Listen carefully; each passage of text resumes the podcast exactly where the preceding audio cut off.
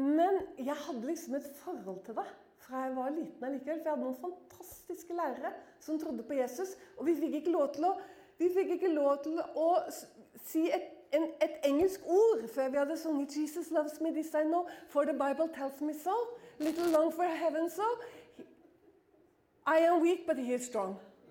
Og sånn holdt hun på fra tredje klasse til sjette klasse. Hver eneste time. Fikk aldri lov å si noe på engelsk før vi hadde sunget det. Og i sløyden fikk vi ikke lov å lage noe i tinnsløyd eller et tresløyd før vi hadde sunget 'Hill deg, frelser og forsoner'. Verden deg med toner kroner. Altså, Jeg har aldri lagd noe i sløyd uten at jeg først har sunget 'Hill deg, frelser og forsoner'. Det er fantastisk, disse lærerne. Tenk hva det betød! Og det er det jeg ble så utrolig takknemlig når jeg våknet i dag morges. Hvordan Gud får tak i deg. Sånn, jeg kjente ikke et kristent menneske. Jeg hadde ikke vært i noe annet enn statskirken på julaften. Jeg visste ikke om noen ting. Jeg hadde aldri hørt om pinsevenner eller holdt på å si frie venner eller misjonskirke eller familiekirker eller noe som helst. Jeg visste ingenting. Men jeg hadde det så ubeskrivelig vondt. Og dette var sånn mens jeg sitter oppe på Blindern på jeg vet ikke, femte eller sjette året, nedsyltet i russisk litteratur, så, så liksom det var, hadde det oppunder ørene. Og det var jo det jeg hadde lært fra jeg var liten, at det som er viktig i livet, det er at du blir noe. Og jeg var på god vei til å bli noe. Men så var det sånn at Gud hadde tenkt å få tak i meg, så han begynte å stikke jeg må bare si, så er noen sier nei, nei, men Eva, Gud stikker ikke kjepper i hjulene til folk. Jo, det gjør han, det, så. Han stakk så mange kjepper i hjulene mine at til slutt så var liksom bare den ene krykken og den andre krykken, og alt var borte. Og jeg bare Vet du hva, Det var så grusomt. Man, er det ikke godt at man husker egentlig ikke så godt lenger hvor grusomt det var? Nei, altså, Nå prøver jeg å gjenkalle hvor grusomt det var, men jeg klarer det ikke helt. Fordi at, altså, Det er jo akkurat som Jesus sa. Når kvinnen har født barnet sitt, så kommer hun ikke lenger smerten i hu. Og det, jeg husker jo, altså det var fryktelig grusomt å føde barn. Og det var fryktelig grusomt å bli frelst. Jeg klarer ikke å huske det lenger, hvor grusomt det var. Fordi det var så vidunderlig når barnet var født. Det var noe med det. Men tenk altså, det var det jeg ville si der. Midt på natten så frelste Gud meg med fire ord. Jeg hadde ikke vært i en menighet, jeg kjente ikke et kristent menneske. Så kommer Gud til meg klokken tre på natta i sånn studentby, der jeg bodde alene med sønnen min, som var fem år. I den der studentleiligheten så kommer Gud på natta til hun som er sønderknust. For du skjønner det? Det å ha et sønderknust hjerte, ikke bare når du blir frelst, det er noe helt vidunderlig. Ikke vær redd for å bli sønderknust. Ikke vær redd for det i det hele tatt. Og du kommer til å måtte bli det mange ganger hvis du skal ha med Jesus å gjøre. Og jeg tuller ikke, altså, fordi han, han, er liksom den der som liker å ha med føtter å gjøre og sånn. Skjønner du? Altså, og det er egentlig vår svakhet. Det var jo derfor Peter ikke ville. Ligg unna mine føtter. Hold deg unna dem, liksom. Du skal aldri i evighet vaske mine føtter. Nei, men Eva, nå skjønner jeg ikke hva du snakker om, sier du. Jo, men det gjør jeg, for jeg har vært i Sibir. Og der skulle de vaske føttene mine for skikkelig gammeldagse pinsevenner. Og plutselig, midt eh, i gudstjenesten før nadværen, så kommer de inn med masse vaskevannsfat og begynner å skramle med såper og varmt vann og alt mulig. Jeg ble litt livredd. Jeg bare visste hvordan mine føtter så ut. Jeg var i Sibir, hadde ikke vaska meg. Skjønner du? Og så skal de vise frem med føttene. de, hadde, de tok det helt alvorlig, vet du. Men jeg skal si det, jeg hadde ikke tenkt å snakke om føtter, altså, men nå må jeg gjøre det siden jeg først har begynt. Hæ? Du Heldigvis fikk jeg vaske først. For det var mye lettere å vaske noens føtter. Altså, det var mye lettere å vaske andres føtter. Og det som var så rart, at jeg fikk føttene til hun jeg likte. Altså, det var en jeg, jeg likte alle, men det var en jeg ikke likte. Ja, men det er sant, Vi er jo litt sånn, sant? Vi må jo bare innrømme det. At det er jo noen mennesker som sitter lenger inne. Og i hvert fall kan jeg være litt sånn. Altså, det, det, er, det er noe med kjemien, tror jeg. Det er bare et eller annet som skjer. Men Gud er jo mye større enn det, vet du. Og han hadde tenkt å løse opp i den greia der. For jeg var jo der og tjente midt inne i Sibir. ikke sant? Jeg kunne ikke, kunne ikke være en jeg ikke likte. Men jeg likte ikke henne. Og så var det selvfølgelig hennes føtter jeg skulle vaske. Og så kommer de der store, hovne, røde føttene opp i vaskevannsfatet. Og der satt jeg på kne med de enorme føttene hennes. Og så skulle jeg begynne å vaske henne med såpe, og så bare Jeg elsket henne! Fra det øyeblikket jeg begynte å vaske de slitne føttene. Du, jeg hadde fullstendig glemt det. At, at jeg ikke likte henne. Det forsvant. Det var helt borte. Og jeg tror nesten at Jesus har ment det der med det der med fotvasken, helt, helt bokstavelig. Men så kom det grusomme, da. Hun som skulle vaske mine føtter. Og da var det jeg fikk merke det, skjønner du, det der å ha med Jesus å gjøre. Det var det jeg skulle si. Da må du venne deg til å tørre å være svak. Du kommer ikke videre. Liksom, du kommer på en måte ikke videre. Hvis du, hvis du liksom Du har liksom Jeg etterligner pastoren litt. Eller du finner noen som du liksom syns er veldig kule. Da, og liksom, du prøver å kjøre inn i de skoene der som er altfor store for deg. og sånn. Ikke bry på den greia der! sånn. Liksom, det er jo ingen her som er på den. Det er ikke det jeg mener. Men det er bare det, du må ikke gjøre det. For Gud driver bare med originaler. Altså, Han holder ikke på med sånn. Og han sa til meg når jeg ble frelst, sa han, det første du må lære det, altså, Jeg lærte det egentlig av Baloo i Jungelboken. Men altså, det første du må lære, det er å være der du er. Skjønner du? Og ikke være der hvor du i grunnen ikke er. Dette er egentlig en sang som er kjempemorsom. Det er Baloo sin sang. Fordi at vi er veldig redd liksom, for det der med svakhet og Veldig sånn. Men ikke vær det. Fordi at eh, Jesus, han har full kontroll. Han har så kontroll. Og så kan han bare møte deg i sannhet, for han er sannheten. Og så er han full av miskunn. Skjønner du? Så han kan bare møte deg når du er i sannhet. Ikke vær redd for det. Det eneste du skal være redd for, det er egentlig å dekke deg til. Men ikke, altså, Vi kan ikke drive og være sånn klin åpne i alle mulige sammenhenger. Det, det, er ikke det jeg snakker om. Men når du er sammen med han, når du er sammen med han, så har du bare barnekår. Han har, han, han har ikke gitt deg noe skjønner du. Når du er sammen med han Jeg snakker ikke om når du er liksom, begynner å hylgrine foran menigheten. Det går godt å gjøre det, for han tar vare på deg. Det gjør ingenting. Du kommer ikke til å komme på skam. Når jeg ble frelst Jeg, liksom, jeg var sånn, jeg synes jeg måtte fram i alle møter få forbønn. Etter at jeg ble pinsevenn. da, Det tok syv år. Men, men, men sånn, det gjør ikke noe, det heller. Men det jeg sier til deg, at overfor Gud så har du barnekår. Og han kommer aldri til å gi deg noe annet enn barnekår. For da Paulus sa så lenge vi er her, så har vi barnekår overfor han. Men vi vet ikke hva vi skal bli. Men jeg har funnet ut hva vi kommer til å bli. vi kommer til å være bestandig barn, tror jeg. det, skjønne med barnet, da. Ikke sånn tullete og dumme med barnet, men det skjønne med barnet. Ok, det er noen som skal ha dette her i kveld. Det er helt sikkert. Så derfor så du som mm, Det derre oh, Ta det til deg. For det er, det er, virkelig noe som var fra Gud til deg her i kveld. Og den der takknemligheten. Fordi du skjønner, det står noe i 1. Johannes brev. Og der står det om det ordet Altså, Jeg sa noe om at det var fire ord som frelste meg. Han talte fire ord. Jeg må nesten si hvordan, for det var så nydelig. For jeg lå og sov. Men Eva, man blir ikke frelst mens man sover. Jo, man kan bli frelst mens man sover. For jeg ble det. Han kom. En han kom. Det er så nydelig, for jeg var helt sønderknust på denne tiden. Og jeg bare sov. Vet du, det er så godt å vitne. Liksom. Jeg må jo bare gjøre det. Jeg hadde egentlig tenkt videre, men jeg må bare gjøre det. Hør her. Jeg var så lei meg. Og, det, og dette er, er, faktisk litt magisk. Altså, jeg mener sånn Ja, uansett om det var sånn demonisk magisk eller gud-magisk. Det er ikke så viktig å vite det, egentlig. Men, men det jeg sier, er at det var unaturlig. Fordi jeg sov. Og nå tuller jeg ikke med deg omtrent i 14 dager var bare oppe og, og, og, gikk på toalettet og drakk. I 14 dager. Jeg bare så. Og vet du noe, så jeg tenkte Lurer på jeg hadde dødd.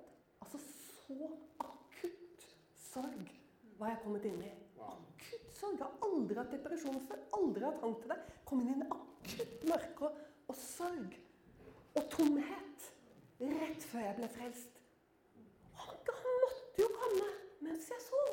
Og så gjorde han det. Inn i det demoniske mørket kommer det en hånd.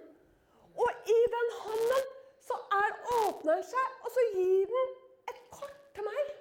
Og så tar jeg det ut. Tenk, tenk jeg tok det ut av Guds hånd. Tok kortet ut av hånden hans. Og så leser jeg det, og der står det fire ord. Og når jeg leste de ordene, så blåste hans liv inni meg. Skjønner du? Og da ble jeg frelst.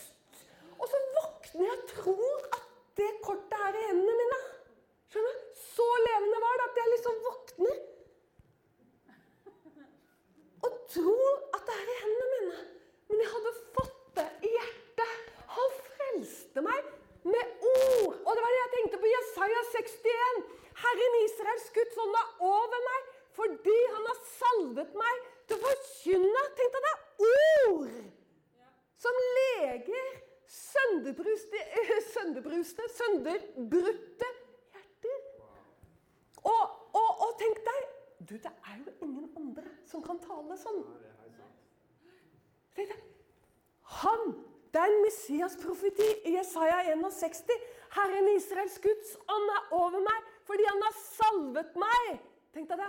Til å tale ord som åpner blinde øyne, løser de bundne og setter fanger fri. Er du klar over at Gud gjør det med ord? Jesus sa de ord jeg taler, de er ånd, og de er liv. Og det er ingen her i kveld som har blitt frelst av noe annet enn Guds ord. Det er hans ord som setter fri. Og Johannes, når han skal begynne sitt første brev, og de er jo så Johannes evangeliet, og du skjønner at det er den samme apostelen som har skrevet alt sammen, så sier han at han, Nå tror jeg ikke jeg skal prøve å ta det utenat. Det, det kan være litt skummelt, fordi jeg kan komme til å så si det litt feil, og nå har jeg lyst til å si det helt, helt riktig. For det står 'Det som var fra begynnelsen', det som vi har hørt, det som vi har sett med våre øyne, det som vi har skuet, og våre hender har rørt ved, om livets ord. Og det ble åpenbart, og vi har sett det. Du, er fantastisk. Tenk deg hvor utrolig velsignet Johannes er når han skriver dette. Han sier det. Det som vi har hørt. Altså det som vi hadde lært som jøder. Det, det som var kjent for oss, dette vi har hørt om Messias fra vi kunne, skjønner du, Før vi kunne snakke, har vi hørt om Messias. Har vi hørt Guds ord?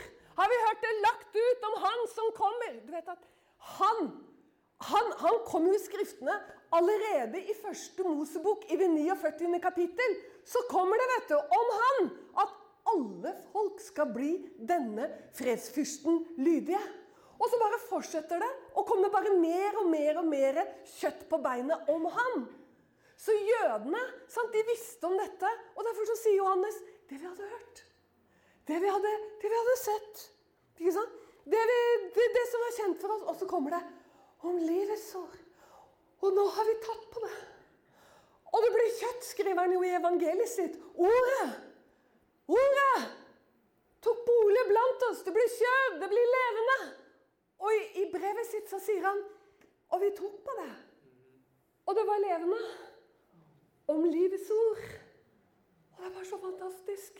Det var ordet som ble kjød, som ble levende. Og vi var litt inne på det i går. fordi at egentlig så er det alt profetiske i Bibelen.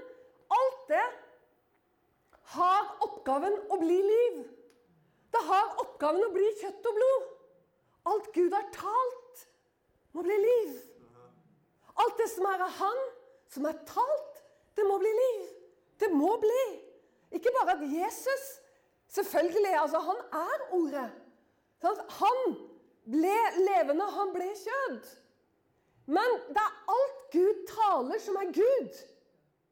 Det må bli liv. Så skjønner Hvis noe er Gud, så blir det liv. Og Derfor er det livsfarlig å si noe som er Gud, og så er det ikke Gud. For dette er liksom Dette er Gud. Gud, Gud. Altså, dette er Åh, dette er Gud! Nemlig livets ord. Vi tok på det, vi kjente på det. Og tenk deg når han gikk omkring. Og derfor, dere Jeg tror det verste man kunne gjøre Og du kan lese om det i Matteus 16. Og de gjorde det mange ganger, fariseerne og sadukeerne. Sto de foran ham, og så bare Vis oss et tegn. Så det var ikke bare Herodes som foreslo den utrolig dumme ideen at Jesus skulle vise oss tegn. Nei da. Fariseerne og sadukeerne og de skriftlærde i det hele tatt. Det de ville så gjerne Tenk deg å si det. Gi oss et tegn. Da skjønner du forskjellen på Johannes. Om livets ord. Det, det vi hadde hørt. Det vi hadde lært. Om ordet. Her er det. Altså han som er selve tegnet. Altså han er selve tegnet. Og står foran fariseerne og de skriftlærde, og så sier de Gi oss et tegn. Der står han som skulle komme av Judas stamme. Og det visste de. Og der står han. Han som skulle komme av David ett. Og det visste de. Og der så han. Han som skulle fødes i Betlehem, og det visste de, og der står han. Han som skulle fødes av en jomfru, det visste de, og der står han. Sånn? Og er selve tegnet.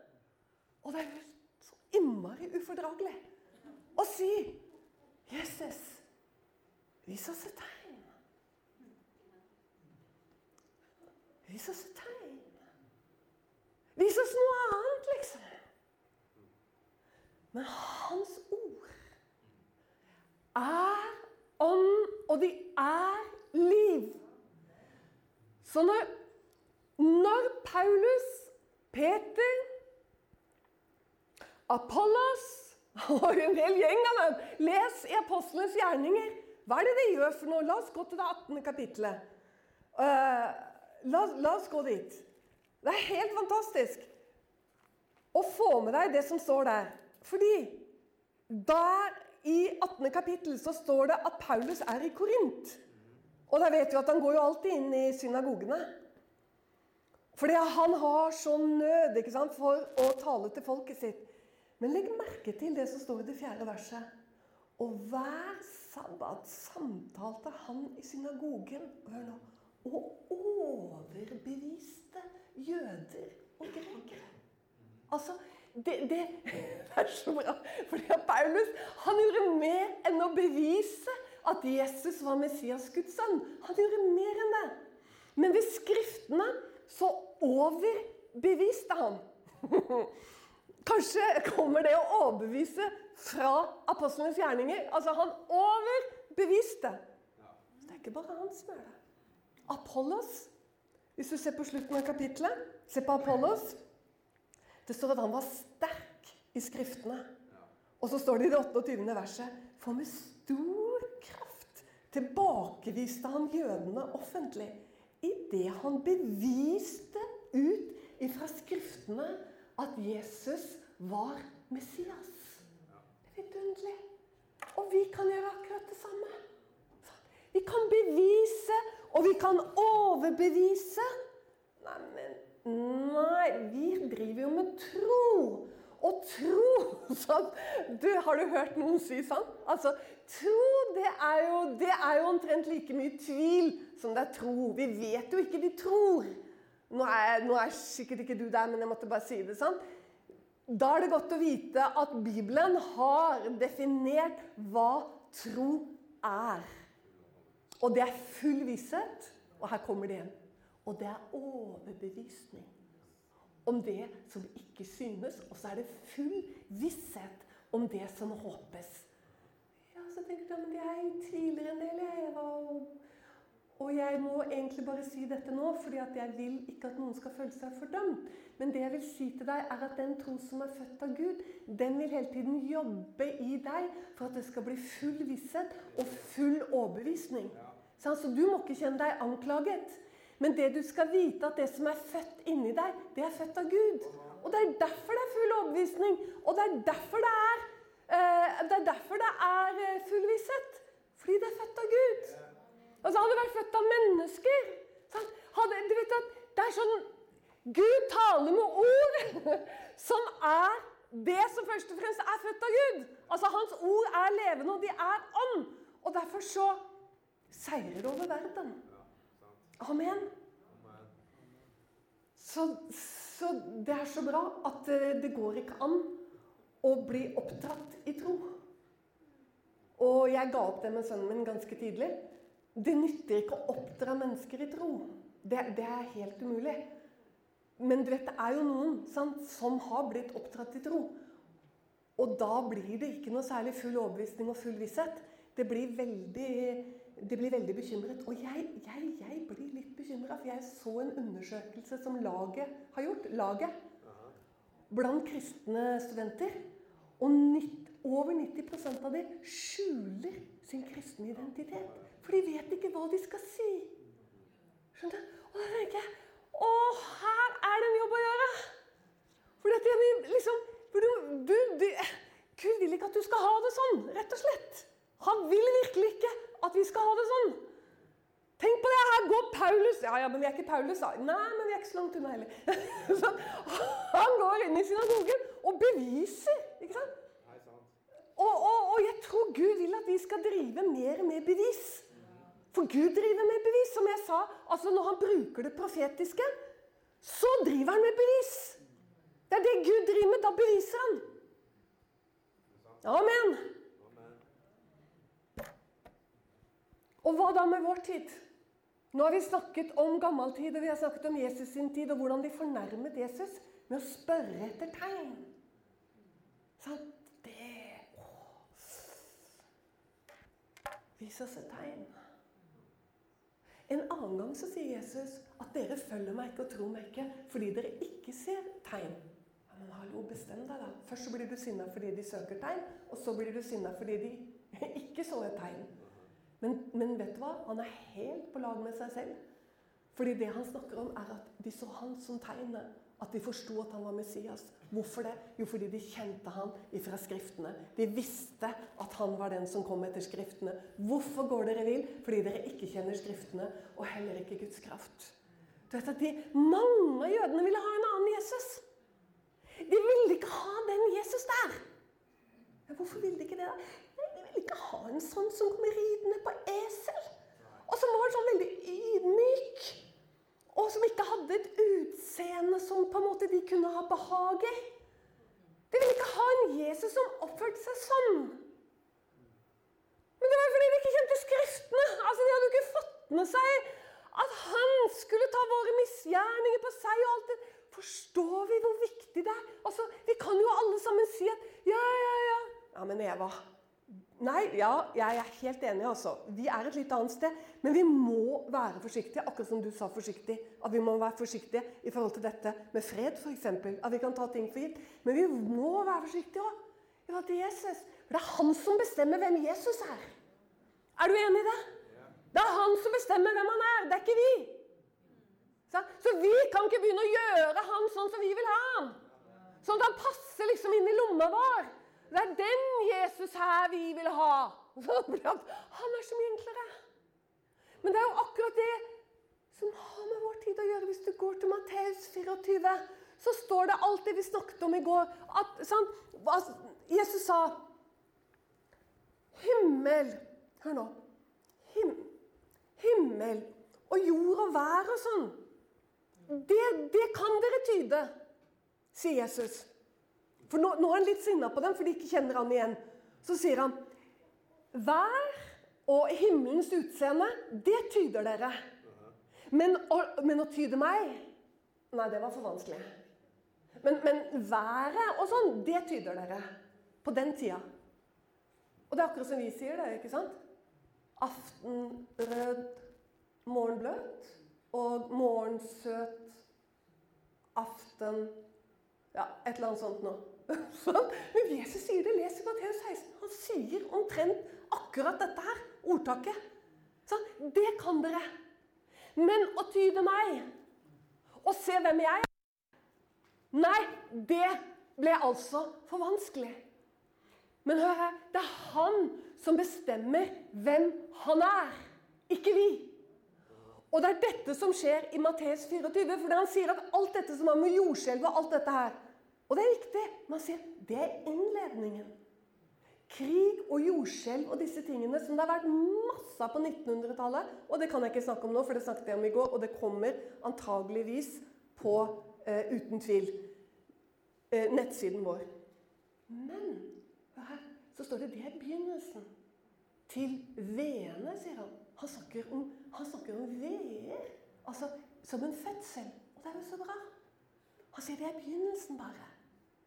Hvor mange er som har født barn her? Vi har muligens et fortrinn fra mennene til å skjønne litt om dette her sånn. For jeg skal si deg nå at jeg var ganske høy på pæra når jeg kom på Ullevål sykehus og skulle føde. Fordi at veene var skikkelig i gang. Og så syns jeg at dette her var da Jeg kunne ikke skjønne det. At dette her skal jeg takle. Dette skal jeg greie. Men jeg var sånn. Sånn liksom bare, Nei, jeg skal ikke ha noe bedøvelse. Nei, dette er greia. Dette går bra.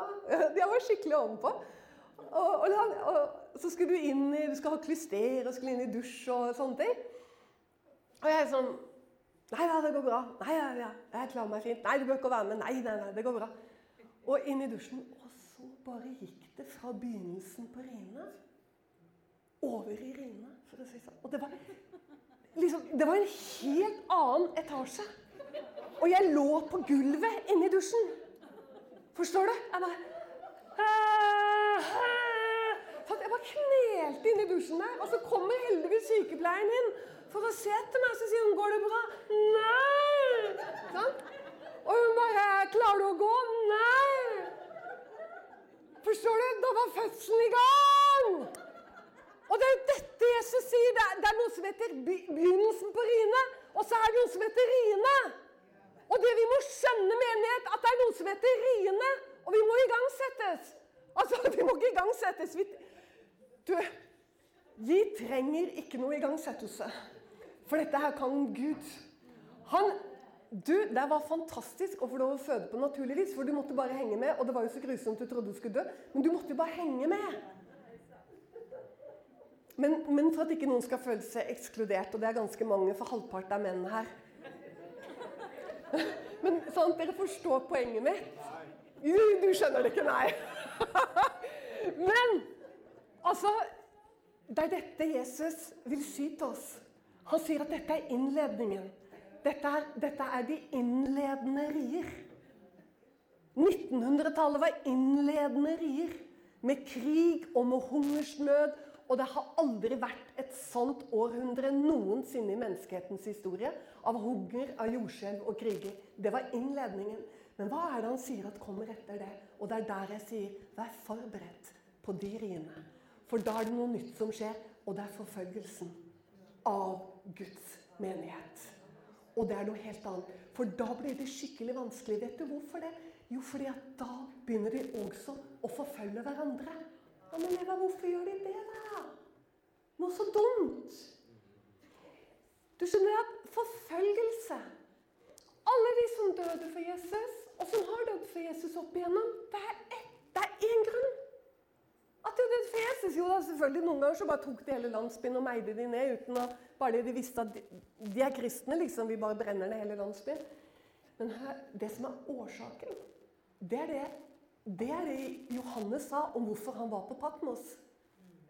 Jeg er her for Guds ords skyld. Og når de kappet av hodet på Johannes, så var det for Guds ords skyld. Johannes, du kunne tidd stille. Du hadde ikke behøvd å si det.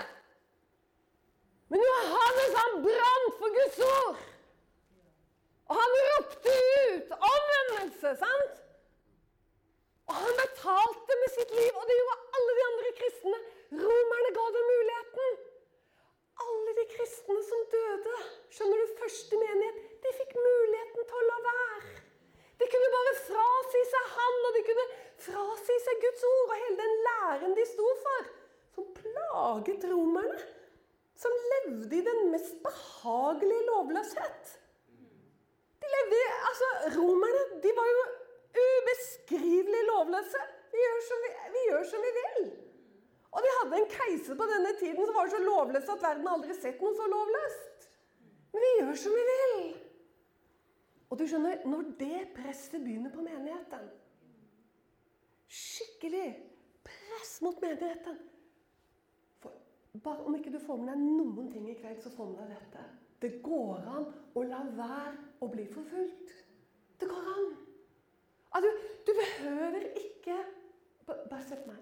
Du behøver ikke å bli forfulgt. Har du tenkt over det?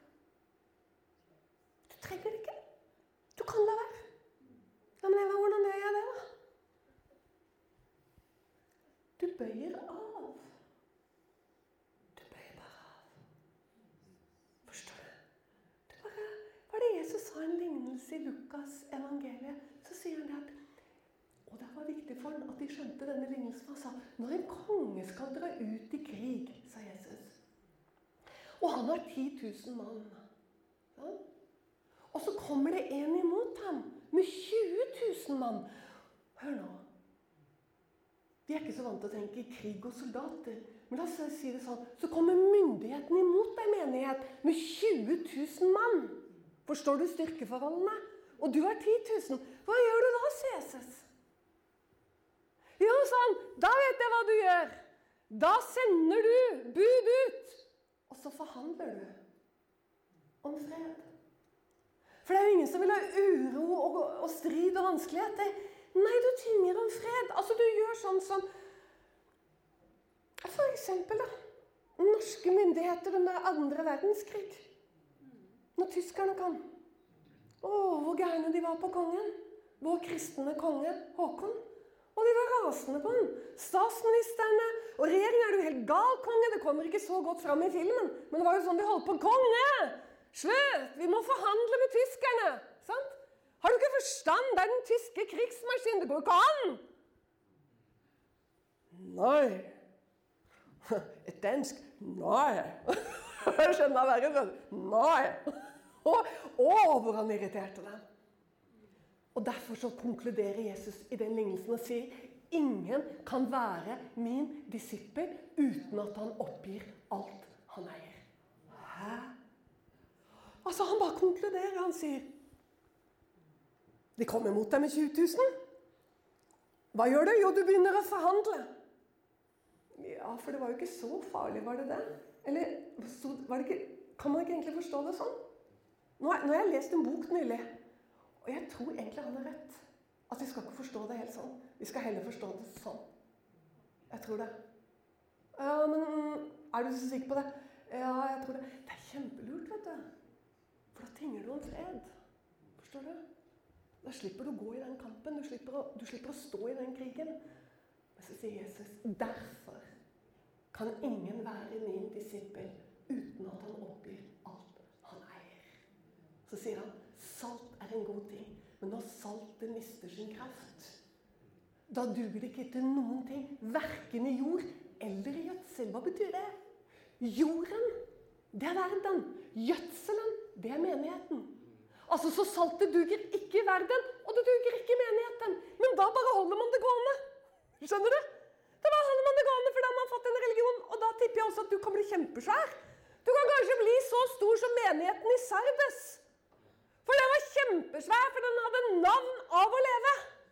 Og du vet at har du navn av å leve, ja, da kommer det masse mennesker. For mennesker vil være der hvor det er navn av liv. Forstår du? Nå er jeg litt slem i dag, men vi må jo noen ganger være litt sånn godslemme. Sånn godslemme. Fordi at det er så mye hjelp å få i Guds ord. Simpelthen. Forstår dere? Fra de innledende rier til de skikkelig rime. Åh! Og så sier Jesus det at mange mange, og når dette her begynner, sier Jesus Du må bare lese det på nytt. 24. kapittel i Matteus. Så sier han det når disse forfølgelsene kommer, så kommer det noe annet òg. Det kommer mange falske profeter. Og det var jo akkurat det jeg sa. Ja, men de må jo komme, de, fordi at de, de skal gjøre seg sånn at det går an å være kristen og ikke bli forfulgt. Forstår du? Det er kjempesmart. Det er smart, det. Ja, da kan du fortsette å være, fortsette å være kristen, men du trenger ikke å bli forfulgt. Sånn at når han begynner å snakke om forfølgelse, og så snakker han også om falske profeter, så det er klart, det er jo Det hører jo helt sammen. For det er jo så smart. For da slipper du unna. Men så blir det jo enda verre, da. For de som blir stående. Fordi at da har jo de blitt godtatt av verden. Og da er det liksom det som er blitt å være, å være kristne. Og da blir det jo enda verre for de som blir stående. Så da er de fritt vilt. Da er, sånne, da, er de, da er de plutselig blitt ekstreme. Men du, ikke vær noe redd. Ikke vær redd. Eh, fordi det er helt utrolig hvordan Den hellige ånd han styrker oss så fabelaktig. Vi andre, vi andre, vi bare står. Frafall, det er å gå fra. Du går fra det. Vi kan bare få lov å stå. Og det er det, det, er det Bibelen lærer oss. Stå han imot. Fast i troen. Stå han imot. Fast i troen. Og han kommer til å styrke oss. Han kommer til å hjelpe oss. Og den tida går inn i nå, så vil han hjelpe oss. For det er dette som kommer nå. Det går fra innledende rier, og så går vi inn i riene. Og da kommer, det, da kommer du til å merke hva en fødsel hva, hvor vondt det kan gjøre. Hvor vondt det kan gjøre. Da går det inn i familier. Da går det inn på arbeidsplasser. Da får du ikke jobb fordi du er kristen allerede i dag, ifølge en sosiologisk undersøkelse. Det er ikke bare noe jeg babler om. Erlend skrev nylig en artikkel i Dagen om det. Så har du, hvis du er kristen, aktiv kristen har jobbet i en kristen organisasjon eller en eller annen sammenheng, så har du bare 20% sjanse til å bli innkalt til intervju. Du har 20% sjanse, og det er i dag. Hvor vi er i vippepunktet mellom de innledende riene i Norge og de skikkelige riene. Og dette vet de unge. Og Derfor er det, er det jo ikke noe rart at de gjemmer troen sin. Men da må forkynnelsen begynne å samsvare med den hverdagen de opplever der ute. Hvor de skal kunne stå for det å være en kristen og regne med at de ikke får jobb. Forstår du? Da kan vi ikke lære dem opp til noe som ikke er virkeligheten. For virkeligheten er noe helt annet enn hurra meg hei. Ja, men det er jo det. Du får ikke jobb hvis de, hvis de kan google navnet ditt og ser at du har jobbet i uh, et eller annet av Misjonssambandet, jobbet i laget, vært i Ungdom i oppdrag, vært aktiv på en eller annen måte. Og det er mulig å finne ut det på nettet. Du får ikke jobben. Sannsynligvis så må, må det være en kristen arbeidsplass for at du skal få den. Dette vet unge folk. Og det er her vi må utruste. Hva gjør du når den som kommer mot deg, kommer med 20 000, og du står med 10 000? Hva er mitt liv? Hvis jeg skal stå fram for en kristen og være frimodig, og samtidig regne med at jeg skal ha en karriere, det er sånn sprik. Vi vet ikke hva vi snakker om engang. Du kan ikke det i dag! Derfor er det forfølgelse i Norge. Jo, jo, det skjer jo at Einar han fikk det til. Han, ja, selvfølgelig. Einar fins, han. Skjønner du? Men jeg snakker om hva som, hva, hva som er realitetene for unge mennesker i dag. Og da dere, blir vi nødt til å gå inn i de sure tekstene. De som er litt vanskelig å fordøye, de som er ubehagelige. For vi må rett og slett hjelpe både oss selv og de som er yngre enn oss, spesielt de, til å tørre å satse fullt ut på det som Paulus sier i Kolossebrevet. Søk ikke det som er her nede. Ja, men det der, det er det vi har hørt så mye før i tida. Søk det som er der oppe, hvor livet deres er. Han sier faktisk det. Livet ditt er der oppe. Livet ditt. Ja, men det kan fort bli veldig usunt. Nei, hør her. Vet du hva? Da Dette er den beste måten å få skikkelig fotfeste i verden. Da er du i stand til å være i verden og ikke av verden. Han har ikke gjort sånn at du ikke skal være i verden. Nei, for all del, du skal være i verden. Til de grader. Men du skal være lys og salt i verden. Sant? Og da må du ha en utrolig forankring, fordi du vet du kan bli skikkelig forfulgt. Sånn at du får ikke jobb. Ja, men da må du vite hvem du tror på. Du må stole på han, og smakk, smakk, smakk, dørene går igjen. Hva da, Jesus? Da må du ha forankringen din der oppe. De kom så glad igjen, disiplene. Fordi åndene var dem lydige. Sånn, å, det bare skjer det. Ja, og Jesus han, han ville ikke ta gleden fra dem. Sånn, det var jo så bra at åndene var dem lydige. Men så sa han Gled dere ikke over dette. Men gled dere over at deres navn er innskrevet i himmelen. Vi blir nødt til i vår, eh, i vår eh, menighetstid av fokus, som er her, og alt skal være så bra her, og alt er så fint, og alt er så kult, og denne, sant? Og vi som mener vi skal ha alt, og vi skal være så velsigna, vi skal ha seier, vi skal ditt og vi skal datt, og det er meg, og det er meg, og det er meg. og det er meg. Nå tuller jeg litt, da. Og meg og meg og meg. Å nei, det er bare tull litt. Sant? Det går ikke med bibelsk kristendom. Sant? Og det er liksom Ja, men jeg orker ikke det. Ja, men slutt å ikke orke det! Du må orke det. Ellers så kommer du til å undre deg. Jeg var ikke kristen likevel. Skjønner du? Altså, du må stå for det helt. Eller så må du la være. Derfor sa Jesus uten at du oppgir alt du eier. Og så er det sånn Ja, men han mener det ikke sånn. Jo, han mener det sånn. Ikke at du skal gå og selge alt du har, men at du kan risikere å miste det, kjære venn. Det er jo det han mener, ikke at du skal gå rundt og skjønner du, og piske deg selv. eller noe sånt. Men du kan gå rundt og miste det. Miste alt mulig. Og allikevel være så velsignet. For han er med deg gjennom ild, han er med deg gjennom vann. Han er med deg over elver. Han er med deg uansett. Han er med deg, og det er det som er det utrolige med å være en kristen. Det er liksom Ta mitt år på dere.